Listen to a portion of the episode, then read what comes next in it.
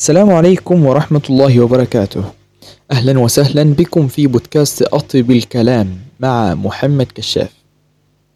حيث نتحدث عن أفضل العبارات والأقوال التي يمكن أن تغير حياتك وتلهمك لتحقيق النجاح في كافة المجالات وأيضا مواضيع مختلفة تهم الناس في حياتهم اليومية سواء كان ذلك في العمل أو العلاقات الصحة التكنولوجيا وغيرها من المجالات.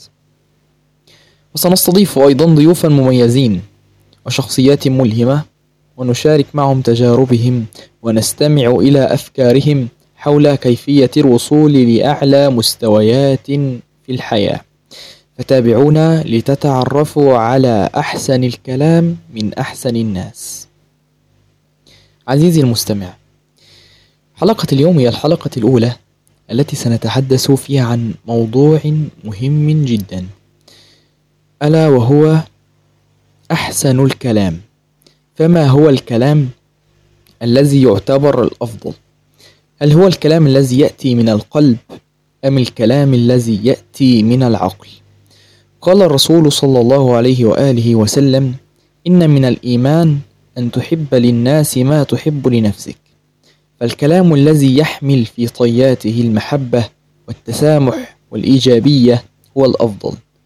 فعندما نتحدث مع الآخرين يجب أن نتحلى بالصدق والأمانة والتعاطف وأن نتجنب الكلام السلبي والمؤذي.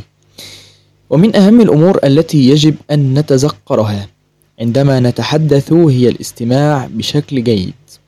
فعندما نستمع بشكل جيد نتمكن من فهم الآخرين وتقدير مشاعرهم واحتياجاتهم.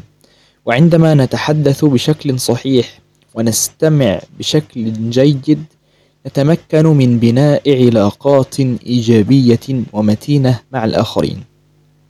وفي النهاية يجب أن نتذكر أن الكلام هو سلاح ذو حدين. فإذا استخدمنا هذا الكلام بشكل صحيح يمكن أن يكون مفيدا جدا. وإذا استخدمناه بشكل خاطئ يمكن أن يكون مدمرا.